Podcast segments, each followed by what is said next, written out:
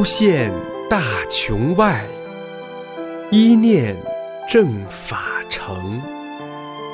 师尊慈悲愿，万物沐春风。请听明慧专题《一师恩》。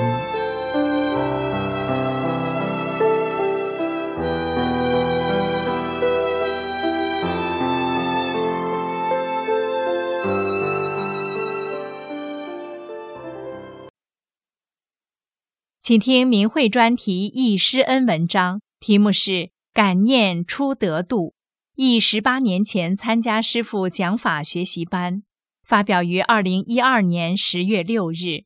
作者石家庄大法弟子。十八年在人世中是一个漫长的时间，而对于我在十八年前参加师父亲自传法学习班的一幕幕，却犹如昨天。回想十八年来历经坎坷修炼大法之路，师父在我困境之中一直在加持着我，守护着我，才使我有幸在大法中一直走到现在。今天写下此文，感念师尊，并以此叩谢师尊救度之恩。一求佛向道之心，走入大法修炼。我从小渴望追寻真理大道。曾经练了十多种气功，花费上万元，没有真正的名师指导。每当我练到任督二脉周天将通之时，就会遇到心性干扰之事，每每都因为不去心性关而前功尽弃。那时根本不懂得到底是为什么。为寻找静心解脱之路，我又皈依佛教，做了一名佛教居士。在参加一些佛教的大型活动中。我看到那些跟方丈、大和尚们走得很近的修行多年的老居士们，哪怕为了一个睡觉的铺位，也要争得面红耳赤，全没了平日道貌岸然之态，令我非常失望。佛门境地不清净，于是我又选择了离开。那时我经常用气功给人治病，搞得自己一身黑气，又因练了多种假气功，招来了附体。每每在刚刚入睡、恍惚之际，经常有一些低灵来找我，干扰我。最经常来的是一个全身黑衣的老太太，直接破门而入。当他们一出现的时候，我就全身动不了，什么都不知道了。等清醒后，全身虚脱的一点劲儿都没有。几年下来，我的身体越来越差，动不动就头疼、感冒、气管炎、胃疼。全身都是毛病，直到有一天，一个同事在我中午洗饭盒的时候，在水管旁对我说：“你看你练这么长时间气功，怎么脸这么黑呢？还不如我脸色好呢。”当时我心里咯噔一下，这个不服气呀！我练了这么多年功，因为练气功，我在厂里也是小有名气，我怎么会不如一个不练功的人气色好呢？但是我身体很差。经常被病邪与低灵附体干扰，这是事实。谁能指点我真正的正法大道在哪里呢？我顿时觉得前途渺茫，不禁悲从心中来。可能师父看我求佛向道之心不肯泯灭，在冥冥中一直指引着我。一九九四年三月底，一个看似偶然的机会，我们厂区宿舍的一个老太太。引导我接触了法轮大法，当时先看了《法轮功》一书，书中的道理深深地震撼了我。练功为什么不长功？困扰我多年的问题，终于在法轮大法的法理中得到了解答。附体、宇宙语、开光问题、治病问题，什么是真正的周天？谁练功谁得功？什么是大根器之人？一章章，一节节，一字字，深入我心，如雷贯耳。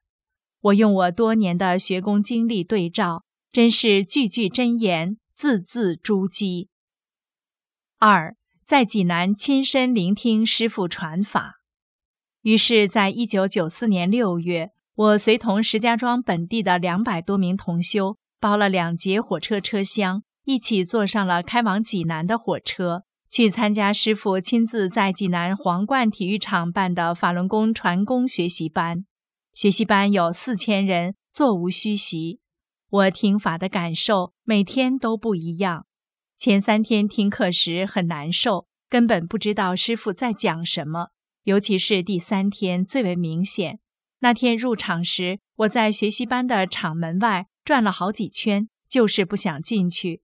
其实是因为身上有附体支配，因为那天师傅要讲附体的问题，他们知道师傅要清理他，所以想方设法不让我进去。后来我自己头脑清醒了，千里迢迢的我坐火车来这里听师傅讲法，费了那么大劲儿，干嘛不进去呀？于是我一咬牙就进场了。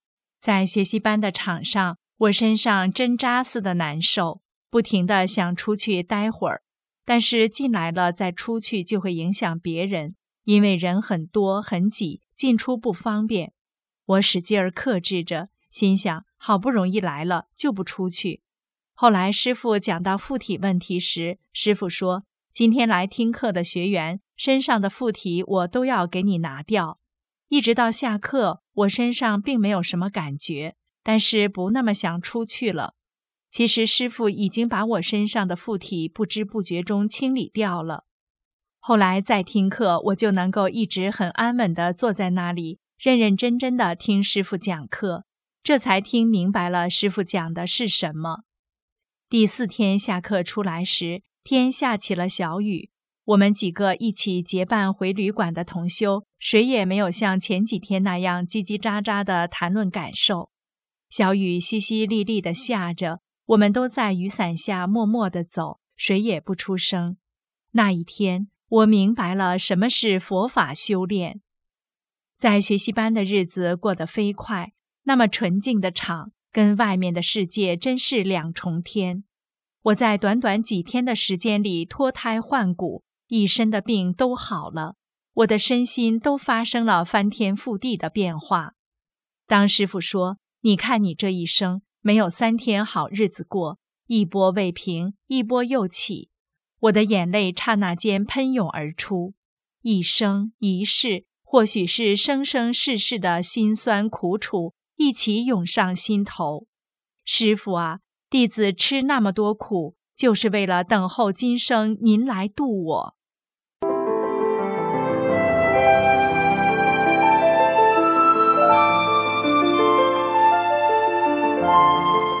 您现在收听的是明慧专题《易师恩》。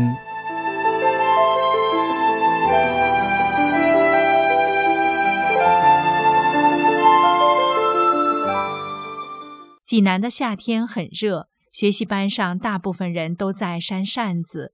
后来师傅说：“你现在不妨把扇子放下，你看你还热不热？”我忽然意识到，师傅讲课时都没有扇扇子。赶忙把扇子放下了，瞬间一股清凉的小风徐徐吹过，真的不热了。我父亲坐在我身边，他最怕热了。师傅这么说，他还不停地扇扇子，越扇越快。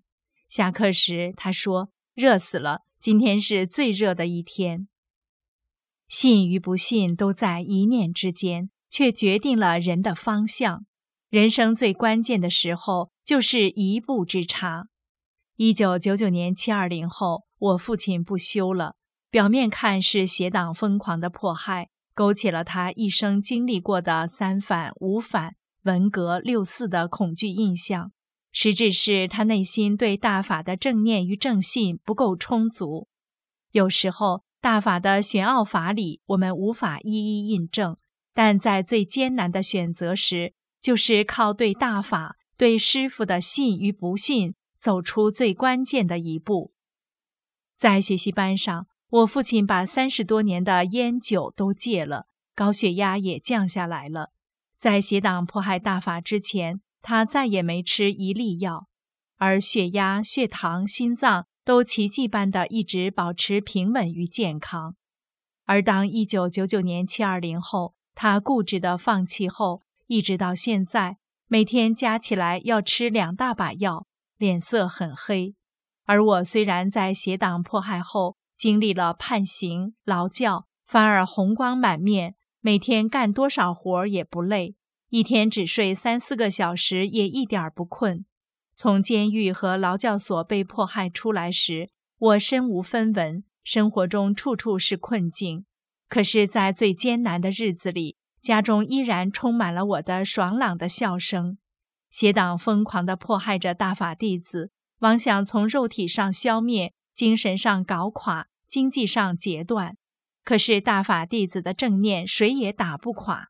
修炼人的坚强乐观。与大法中修出来的美妙境界，岂是一个小小的政党能迫害得了的？后来学习班结束回家后，我按师傅要求，把那些假气功书和佛教的书都清理了，那些低灵就不再来找我了。那个全身穿黑衣的老太太倒是来过一次，以前她出现的时候，气氛是阴森森的，可那天我刚睡着。在半梦半醒之间，只见天上的太阳照得明晃晃的，地上是一大片一眼望不到头的鲜黄色的花的海洋，天上地下都是那么灿烂、光明而美丽。我的身心非常的舒适、怡然、安详。只见那个穿黑衣的老太太慢慢的从花海中间冒出来一半身子，看了看左右，又慢慢的降下去了。从那以后，再没来干扰过我。我知道师傅已经把我家中不干净的场、那些低灵附体的东西全部给我清理掉了。学习班每天下课时，师傅从体育场出来下楼梯，各地学员都会一拥而上，想跟师傅握手。不长的楼梯被人群挤得，师傅根本走不下来。师傅身边的弟子就满头大汗地用手挡着师傅，使劲地推开前面的人群，给师傅开道。而师傅总是一如既往的平静而面带微笑地看着我们。有一次，我们当地的学员出来时，正好走在师傅的前面，只听见有人喊了一声：“师傅下来了！”我们回头一看，师傅跟在我们后面走下来了。大家本能的想一起回身挤上去。我们当地的一个辅导员大喊一声：“石家庄的学员，给师傅让路！”我们这些人一下子意识到了，赶快唰的一下子给师傅闪开一条路。那天师傅很顺利的下了楼。到今天，我想起这件事，还很为我们石家庄的大法弟子自豪。师傅告诉我们，真正的提高。是放弃，而不是得到。我从大法中学会了，遇到事情先考虑别人，而不是先考虑自己的需要。学习班快结束时，师傅要跟各地首次进班的学员们照相。我们当地的百十来名首次进班的学员和师傅一起照了张相。有个老太太拼命地把别人撞开，挤到师傅的身边，挨着师傅照。后来听说他根本没有修下去，回去后没多久就不修了。那天我听从安排照相的学员站在靠后边的位置，离师傅比较远，但是我心里很高兴，今生得遇师傅传授高德大法，还能与师傅同在一张照片里，那份幸福用语言都表达不了。照片里师傅高高大大的。站在第一排的中间，后面的人只露了一个头和一点脖子，咧着嘴使劲儿乐。三，感恩师尊救度。现在再看照片上的学员，有个别的不修了，离开了大法；有几个照片上的同修，在九九年七二零以后被迫害离世了；还有一些照片上的弟子，现在还被关在监狱和劳教所里。而大部分照片上的同修都在各自的生活中、工作岗位上、家庭中坚定地修炼着，踏实而稳定地做着师父要求的三件事，在人间有力地维护着大法。我自己每天坚持学一讲转法轮，每天早上三点四十起床练五套功法，练完功给家人做饭，白天要工作。其他时间都用于做大法的工作，讲真相，救度被邪党毒害的中国人。我每天都固定的参加学法小组的学法。我发现，一九九九年七二零以前的大部分老同修们，那时是在哪个小组学法，现在还在哪个小组？而且现在各个学法小组都有很多新面孔，很多都是七二零以后进来的新学员。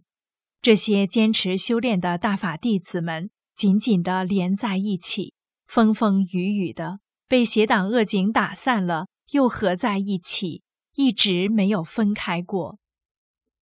回忆往事，想念师父，我的眼睛里总是湿湿的。我多么衷心的盼望师父能早日回到大陆，跟我们在一起；多么渴望能再次面对面的听师父讲法，向师父汇报修炼体会。但是我又清楚的知道，师父就在我身边，每天每时每刻的看护着我的修炼。帮助我不断的归正自己，走正大法路。我衷心的感恩师父，盼师父回来。祝愿全世界所有的大法弟子勇猛精进，祝愿更多的有缘人在师父指引下得法，愿所有众生都能得救度，愿师尊开心的笑。又到了阖家团圆的新年，我们亿万弟子想念你。三百六十五天沐浴在您的佛光里，才迎来这充满喜悦的新年。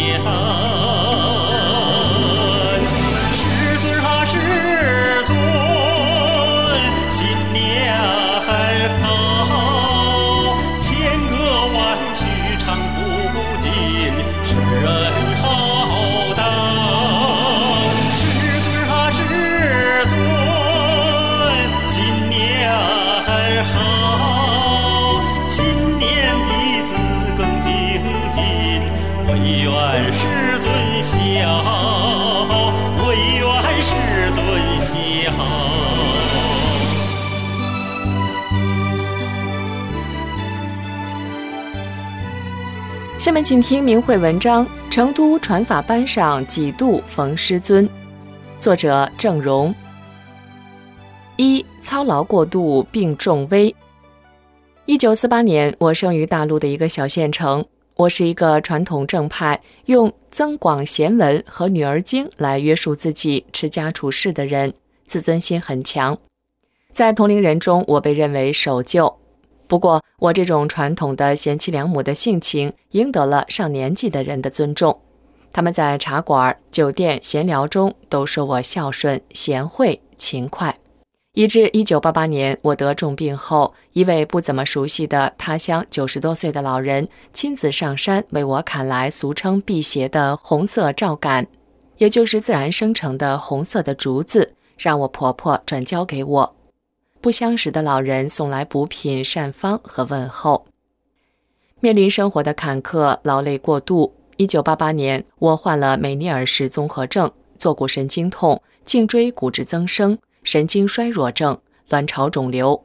才四十多岁，就靠拐杖走路，直至生活无法自理，体重由一百二十多斤降到九十多斤。看见劳累的丈夫每天上下午上班，中途都得请假回家照顾我；看着未成年的孩子承受着压力，我的心都碎了。一九九三年底，我在县医院做子宫肌瘤切除手术，生命垂危。医生发现整体粘连，说迟十五分钟动刀的地方都没有了。医院院长告诉我，随时有生命危险。我想，不能给家里欠债和留下精神负担。我想到了死，一口气服下两大碗外用药转肿消，居然过了一周也没死。后来又连续做了两个手术，我成了挨刀不死的活死人。二师傅救度显神迹。此时师傅来了，我把气功协会多次送给我的票分给了别人，想让更多的人受益，也算是对众人的回报。为了不辜负气功协会领导的期望，我由四人陪伴。上车要两人抬脚，车上要两人拉着手。我参加了一九九四年五月二十八号师傅在成都办的传功讲法班。当天，我县一行四人一早来到成都牛王庙气功协会院里，秘书长叫我去路标，也就是院内的一角。我手术后不久，行动不便，正一步向外走，师傅坐的黑色轿车一下停在我面前。我看了下车来的慈祥面孔的人一眼，某某从车上搬下一捆书，什么？我随口问。学习资料。某某答。哎，快转来，有学习资料。走前面的三人回来了，帮忙抬到了台阶前，又走了。我又不自觉地打开包装，哇，法轮功！这书封面上的人不正是车上下来的人吗？嗯，这人好面熟啊。上午的气功学术报告会上，师傅深入浅出、高深而实际简明的法理，震撼了我的心灵。我心豁然开朗，不顾气功协会领导的阻拦，我当即报名进班。下午开班，师傅第一句话：“我从未办过这么小的班。”师傅慈祥而和蔼地面对我们，不论人多少，照样耐心讲法。我心里一酸，心说。我去找更多人来学。第二天一早，我去找原来学气功的朋友，包括上午听了气功学术报告，下午却没有来的几个气功协会的头目。因我行动不便而陪伴我来的四人，留下一位陪我，其他人回去报信给家人。我准备参加师傅办班，留下的那位也是个老病号，有时不可预料的会出现休克。一次昏死在朋友家那里睡了八个小时，我们彼此询问：“能走吗？”“行。”于是我们相互鼓励，从水碾河一直步行到林业厅六楼，大约有七站路，亲手把法轮功送到气功协会秘书长手中，并嘱咐一定要去学，然后乘车到成都科分院。正巧碰上从班上一同出来的人，他们见我俩到了，诧异地问。没去林业厅，去了。一看时间，两个老病号走七个站只用了三十五分钟，大家振奋了。我们想，师傅给了我们轻功，我们信心更足了。然而别人的缘分还没到，我俩的劝说没有成功。师傅每天中午一点到五点上课，两小时讲法，两小时教功。由于交通不便，我们只好提前进城吃午饭。我自己经济拮据，又不愿朋友总是照顾招待我，每天午饭后总是一人独自去学习班。一天，我刚走到十字路口，咦，师傅就在我面前。师傅穿着白色衬衣，两手交叉在胸前，正看着我。我想，巧合吧。第二天在原地，师傅又在我面前，我不好意思的慢慢跟着师傅，保持相隔两三米的距离。师傅几步一回头，我也不好意思的几步一停脚。师傅慈祥的默默的看着我，我停停走走的进了班。第三天，师傅又出现在我眼前，还是那样的情景。我想这班给办这么小，他们气功协会的人太过分了。其他气功师来，你们前呼后拥；这位法轮功师傅就年轻一点你们就冷落人家，连陪同人员都不给配备一个。师傅想找人说话，而我是个残疾人，有什么资格和师傅说话？我心里说：“师傅没关系，弟子我给你打抱不平。”我怒气冲冲地找到气协校长和支持合议的秘书长，质问为什么这样对待师傅？为什么没见那些气协头头来听课？为什么？他们被我问得面红耳赤。就这样，我带着对气协的怨气进了班。心里却想：哼，你们怠慢师傅，我就非得学法轮功，再不听你们的。于是我拿起笔，在法轮功书侧边叠纸影壁上，准备写下这本是我的法轮功书。还没落笔，师傅正讲课，突然话题一转：观音菩萨在那儿供着，你不敢在他身上东摸西摸，却敢在我身上乱写乱画。我的笔下掉了。我是四百多号，而且头埋在书桌底下面，正想写，师傅咋个看见了？太神奇了！于是我开始认认真真的听课。第四天十字路口，我又碰见师傅。出于尊师，我仍然不敢与师傅并肩同行。可刚进大门，就看见有人在那练原来的气功。我想等师傅一回身，我赶紧去练。谁知师傅一转身，又盯了我一眼。就这样，我乖乖的就跟随师傅进了教室。师傅讲那是附体功，然后讲气功治病与医院治病，把我从头到脚的病全讲出来了。我当时觉得奇怪，还想又是气功协会的人告诉师傅的，怎么能把我的隐私告诉这年轻人呢？当时没有悟到师傅什么都知道。还有一个小插曲，师傅讲性命双修时。讲到老年妇女会来例假，我想我该是个例外吧。自己曾经做过子宫切除手术，结果上厕所时意外的来了月经。结业那天天下着大雨，雨点儿打在地上溅起多高的水花。照相时共十三个组，我说这么大的雨要花。一位内江小伙子说不可能花，我跟了三期班，我来照，不信试一试。于是我很荣幸地站在师傅身边，留下了难忘的历史长河中的珍贵的瞬间。从师傅亲自办的法轮大法传功讲法班下来，所有的折磨我多年的顽疾去掉了。从班上回家，我撇下了用了多年的保暖的电热毯、被褥、丝棉被。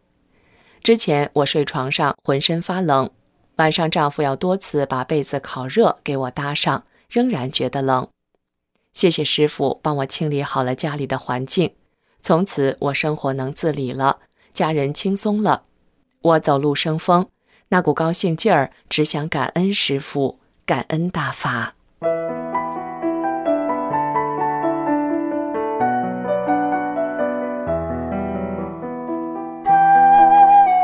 您现在收听的是明慧专题《易师恩》。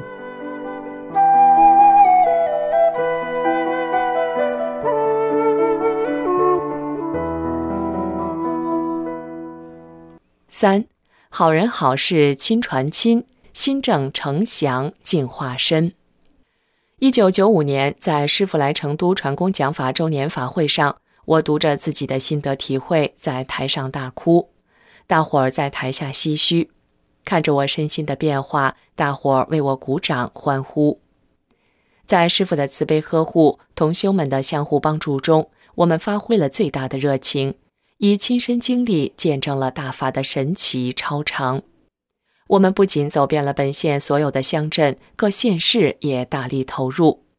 我们还去了贵州、山西、四川、重庆等地，真有把大法弘扬到世界各地的决心。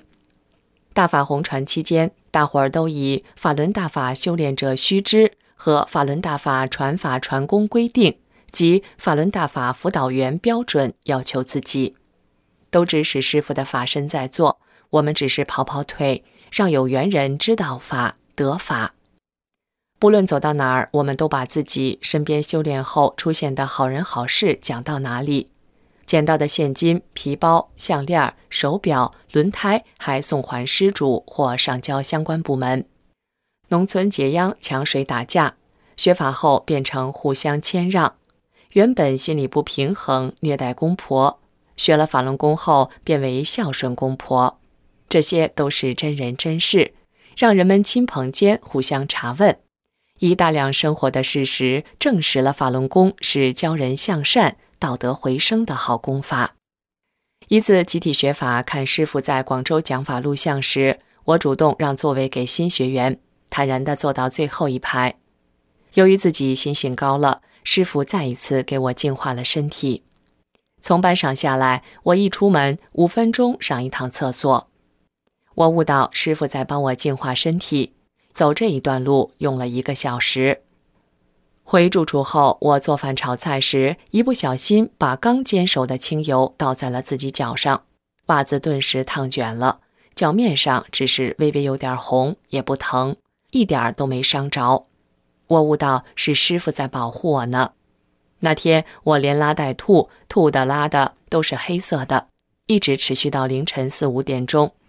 起来练功后，早上八九点钟准时到达某地弘法，精力充沛。师傅在转法轮中讲，在常人社会中，为了名利，人与人之间的争夺，你睡不好，吃不好，你把身体已经搞得相当不像样了。在另外的空间看你的身体，那骨头都是一块块黑的。就这样的身体，一下子给你净化出来，一点反应没有也不行，所以你会有反应。有的人还会连拉带吐。过去有许多地方的学员给我写心得体会中提到这个问题，说：“老师啊，我从学习班听完课回家，一路上尽找厕所，一直找到家，因为内脏。”都得净化。四、维护大法纯正心，有缘有福自进门。一九九六年，《光明日报》不实的报道，我们自发的冒雨，连续三天去报社要求更正。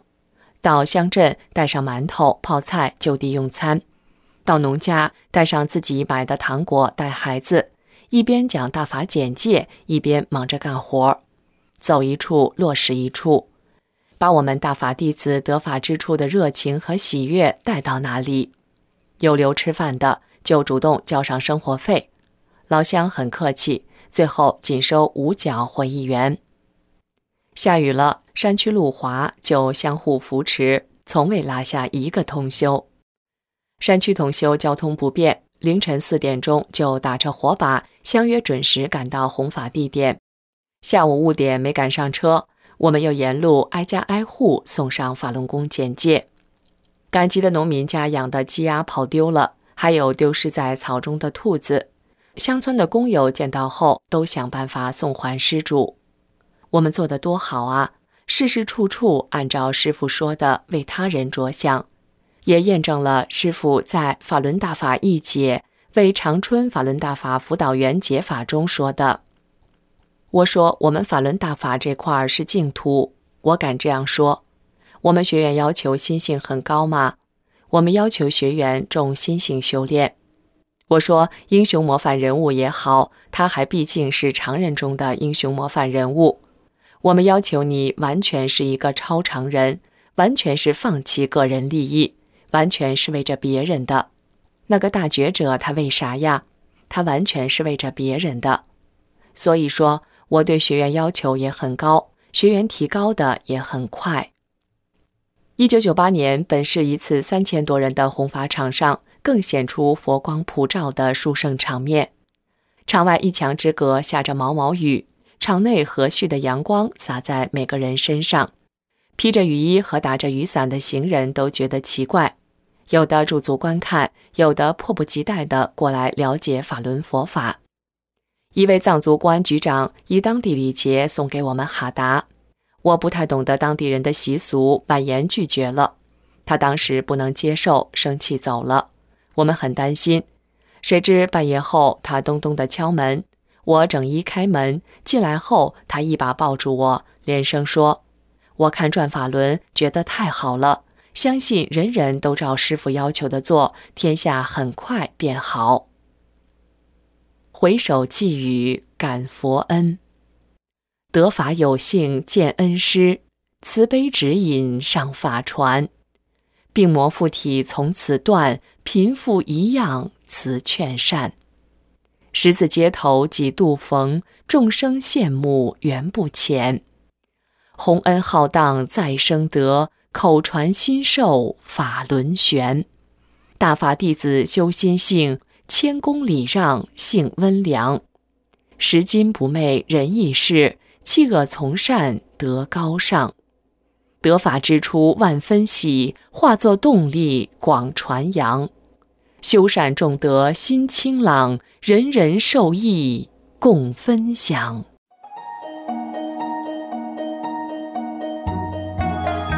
这里是明慧广播电台修炼园地节目。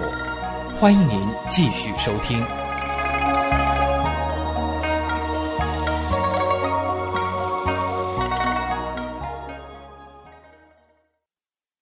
请听明慧专题忆师恩文章，题目是《忆当年遇到师傅》，发表于二零一五年十二月十七日。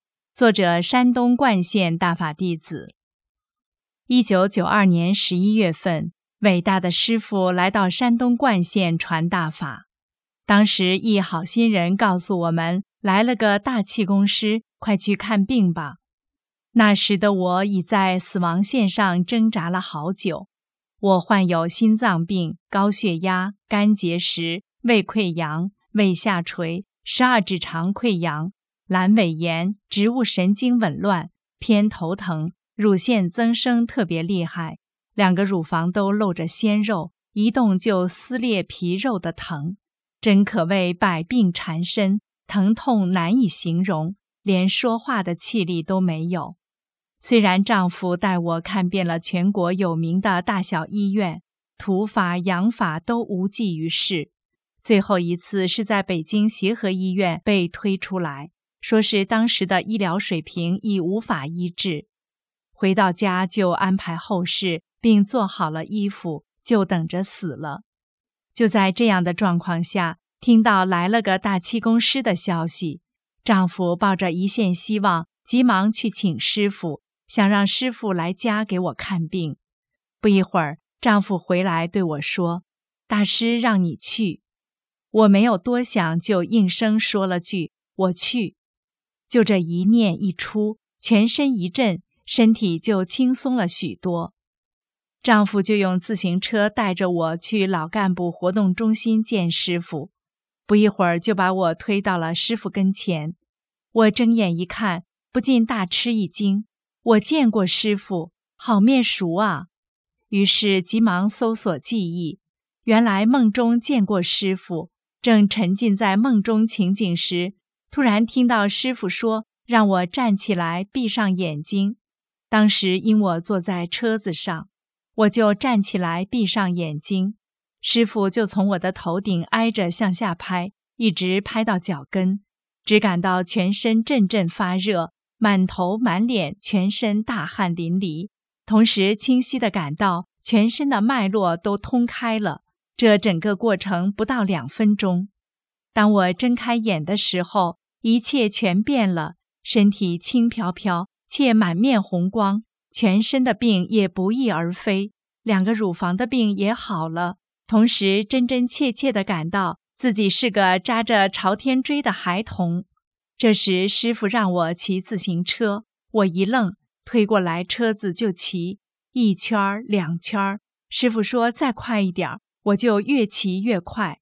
在场的人不自觉的都热烈鼓掌，同时也都掉下了感动的泪水。那天我是自己骑着自行车回家的。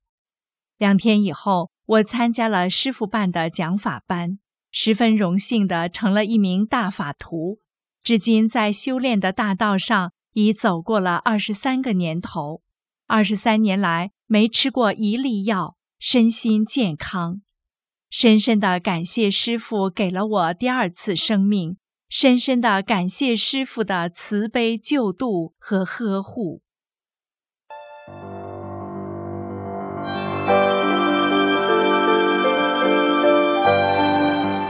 这一期的易师恩就到这里，谢谢收听。